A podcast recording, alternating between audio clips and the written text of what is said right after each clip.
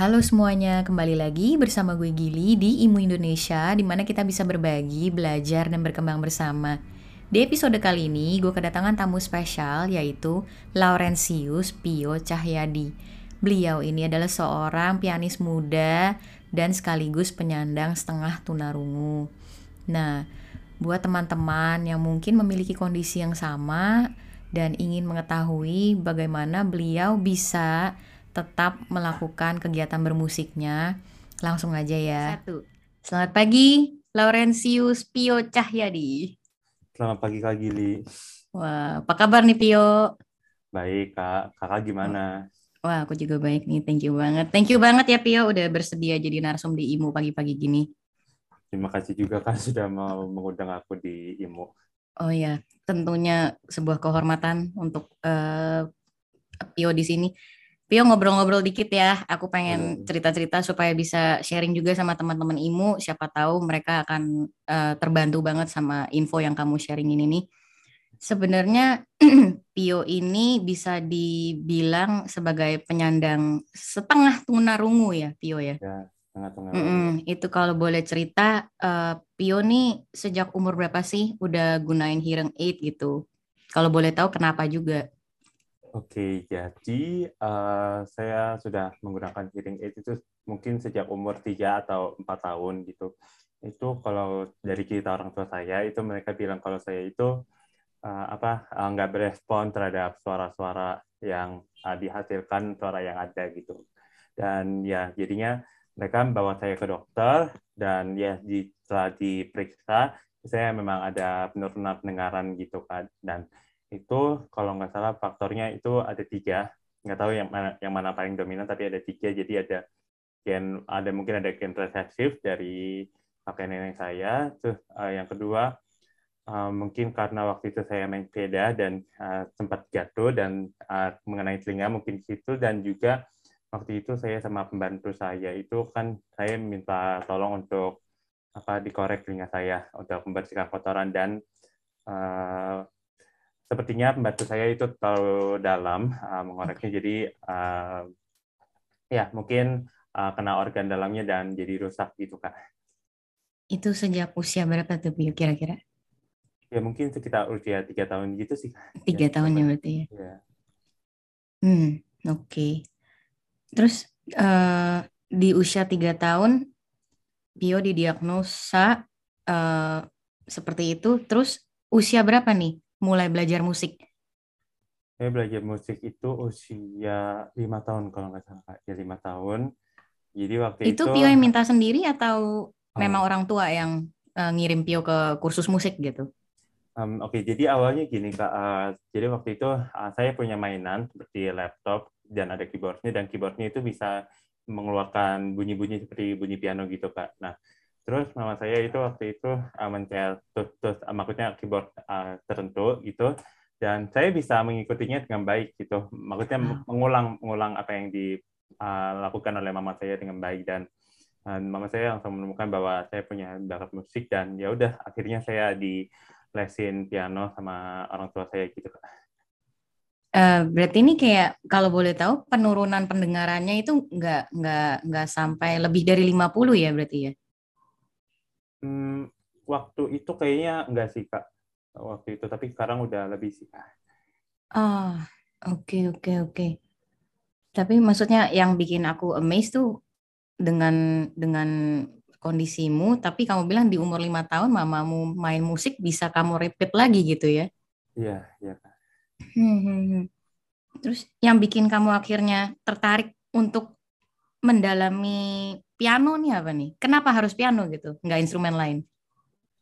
Kenapa ya? Nah, karena ya saya juga dulu dijaring kalau piano itu istilahnya dalam tanda kutip uh, ibu dari segala instrumen gitu. Jadi dia pertama kan instrumen string dan uh, percussion juga. Jadi dan itu dari piano aku juga bisa baca not balok di kunci G dan kunci F. Jadi aku udah tahu uh, dua kunci itu dan itu juga melatih kelincahan jari ya, kelincahan jari gitu yang juga nanti berfungsi kalau misalnya main instrumen lain itu kan.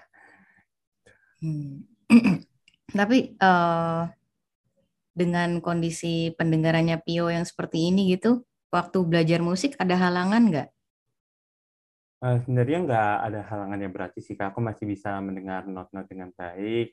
Uh, ya, ketukan bisa dengar dengan baik juga. Tapi ya, mungkin apa ya, kalau sekarang, mungkin aku agak ada satu halangan. Uh, aku sebenarnya dalam tanda kutip itu uh, buta warna gitu kan. Soalnya kan kalau di musik itu kan ada banyak warna-warna gitu. Dan jujur aku nggak bisa membayangkannya dengan uh, baik gitu. Kalau misalnya warnanya apa biru, orange, atau apa. Terus kalau misalnya per uh, performance yang uh, monoton atau yang banyak warnanya itu saya masih agak kurang bisa membedakan gitu. Jadi kendalanya di situ aja sih kak. Hmm, kiat buat kamu ngehadapinnya gimana kalau udah begitu? Kalau begitu aku um, dengernya lebih ke apa ya tone ya mungkin lebih ke tone. Uh, jadi misalnya tone-nya apakah ini kering ataukah uh, terlalu istilahnya terlalu basah gitu dan apakah ini pas terus aku juga membayangkan dengan kalau misalnya kemarin aku lebih membayangkan dengan imajinasi ya bukan nggak cuma telinga doang tapi dengan imajinasi supaya uh, ya bisa terdengar bahwa warna-warna yang aku mainkan itu banyak gitu kan. Hmm, nice, nice, nice. Terus, nah dengan kondisi seperti ini, pernah nggak dapat, uh, maksudnya kata-kata yang bersifat discouraging gitu dari pihak-pihak tertentu gitu. Hmm, iya, sebenarnya pernah sih sekali aja kak. Jadi waktu itu pas pas pas SD ya kita lagi senang-senangnya buat apa have fun berteman dengan yang lain gitu. Dan ya ada ada beberapa teman yang suka bercandain aku dengan ngatain aku conge gitu ya. Oh. conge ya tahu ya yang seperti pasti kalau keluar cairan gitu dari telinga dan ya aku sering dikatain gitu. Tapi ya gimana ya awalnya tersinggung tapi uh, selanjutnya aku tahu kalau mereka cuma bercanda doang. Jadi ya aku biarin aja di, di bawah asik aja gitu kak tapi membekas dong pastinya. Iya membekas sih. Iya. masih ada nggak yang hal seperti itu kadang-kadang bikin kamu ke trigger gitu di usia kamu yang sekarang? Hmm, sebenarnya nggak ada sih kak. Udah sejauh ini baik-baik ya? Baik-baik kak. Berarti kamu udah menyembuhkan luka itu ya? Iya kak. Eh, syukur deh syukur deh. Waduh. Nih, terus yang aku pengen tahu nih Pio, uh, gimana nih kamu nih biar uh, ketemu, ini kamu kan sekarang masih ini ya, masih belajar ya instrumen piano ya, buat ketemu pembimbing yang bisa ngajarin kamu uh, secara optimal gitu. Pernah ganti guru apa dari dulu kecil stay aja sama satu guru gitu? Oke, jadi sebenarnya uh, ortu orang tuaku dulu nggak nggak pernah apa ya maksudnya nggak pernah cari guru yang ahli gitu ah, dalam mengatasi anak yang mungkin kurang mendengar gitu. Tapi mereka langsung carinya guru yang bagus gitu yang kemampuan bisa nice. mengajar dengan baik dan kemampuan skillnya bagus uh, ya gitu. Dan waktu itu dulu aku masih tinggal di Cibubur uh, Cibubur. Jadi uh, pakai guru uh, terdekat aja gitu kak buat belajar. Dan ya baik sih cukup baik dalam mengajarku dan piano terus habis itu aku sempat privat juga sama guru YPM waktu itu belum uh, masuk YPM tapi uh, ada guru buat privat sama guru YPM dan ya yang yang aku rasa juga cukup baik gitu buat mengajar dan uh, galak juga sih kak. Jadi lumayan mentalnya sih.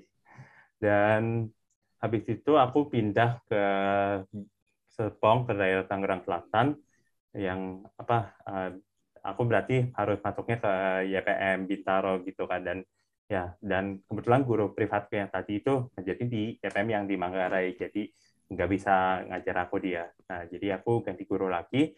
Dia uh, guru privatku ini tadi merekomendasiin aku sama satu guru yang lebih galak gitu. Jadi uh, jadi apa ya sebenarnya nggak nggak ngelihat uh, kemampuan dia apakah dia bisa mengajar anak yang kurang mendengar atau enggak karena ya sebenarnya aku tuh sebenarnya orang yang normal gitu kak walaupun ya tadi cuma buta warna gitu tapi uh, kalau dalam bermain musik pada umumnya itu aku sebenarnya sama seperti teman-teman saya yang lain gitu.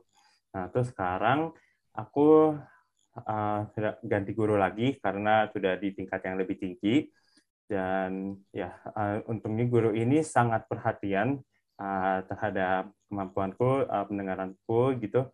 Uh, dan dia itu uh, coba, mencoba explore apakah aku bisa uh, memainkan karya dengan sedemikian rupa dengan warna yang banyak, dengan gradasi dinami yang beragam gitu sehingga uh, membuat mainannya jadi membosankan. Jadi karena menurut dia yang apa permainanku sekarang itu apa ya kurang mendalami, kurang cenderung uh, terhadap not-not-not doang gitu. Jadi kurang ada ekspresi. Nah, dia berusaha untuk um, mendorong aku dengan um, apa yang kurang mendengar ini untuk lebih mengeksplor warna, tone, sound uh, supaya uh, suara musiknya lebih kayak gitu sih kak.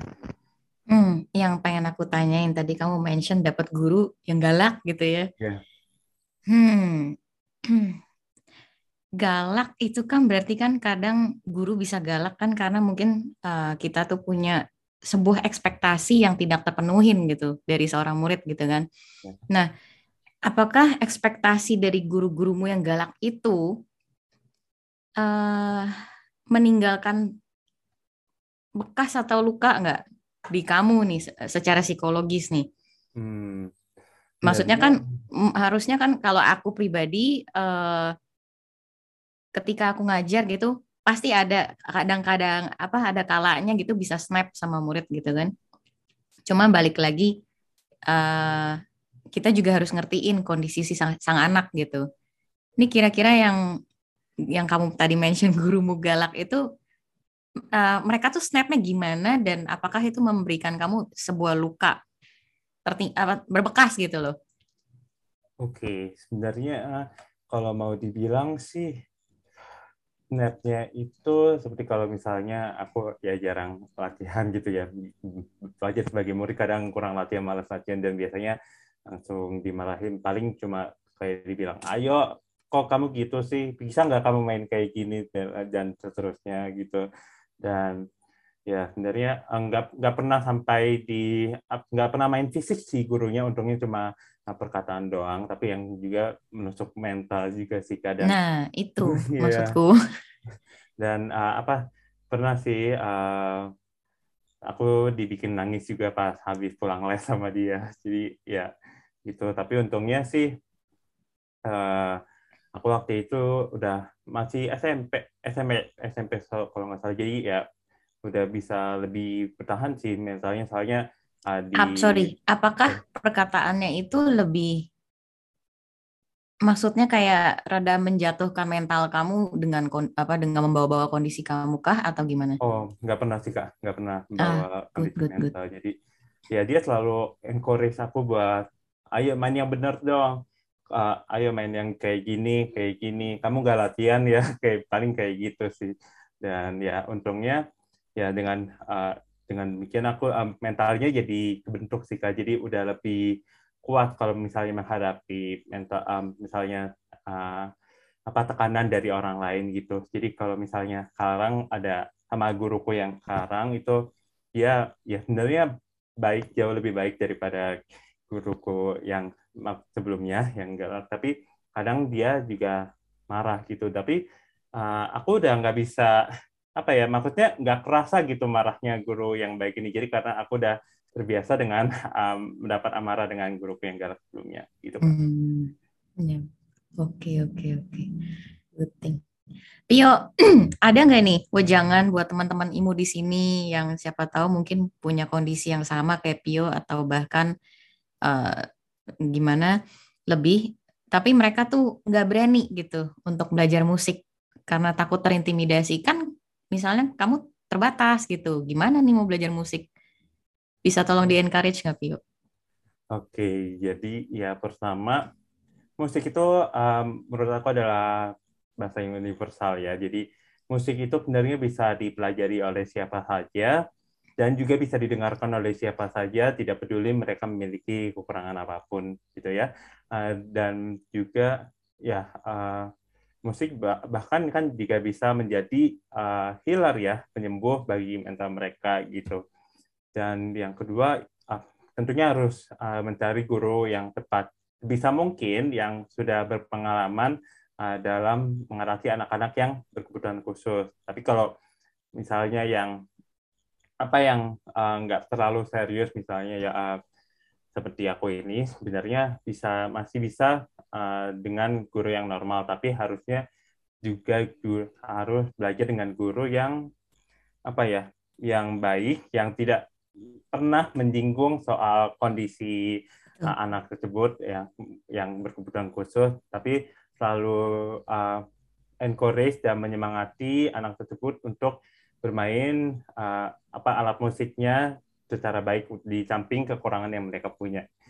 Ya dan gimana ya dan jangan takut buat uh, mendapat cacian dan hinaan dari orang lain yang misalnya menyebut bahwa mereka itu terbatas atau nggak bisa main dengan baik karena uh, apa kebutuhan khususnya um, bah bahkan mereka bisa menunjukkan uh, bahwa mereka bisa lebih main lebih baik dari apa yang diekspektasikan orang pada mereka kalau mereka mau belajar dengan sungguh-sungguh. Ah, nice, nice, nice. Pio, kita udah di apa namanya ujung penghujung acara. Ada satu pertanyaan lagi nih. Nih kira-kira nih impiannya Pio ke depan apa nih Pio? Oke, impian ke depan dia.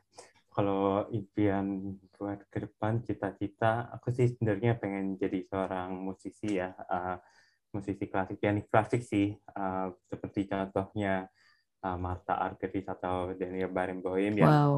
uh, um, apa merangkap sebagai konduktor juga pengen sih seperti mereka dan ya uh, dan juga aku juga memiliki cita-cita untuk bisa berkuliah di konservatori mungkin di Eropa atau di mana hingga juga nice. bisa membagikan ilmu musikku uh, ilmu musik yang aku miliki yang sudah aku dapatkan dari uh, berbagai sumber kepada anak-anak terutama yang berkebutuhan khusus begitu. Hmm.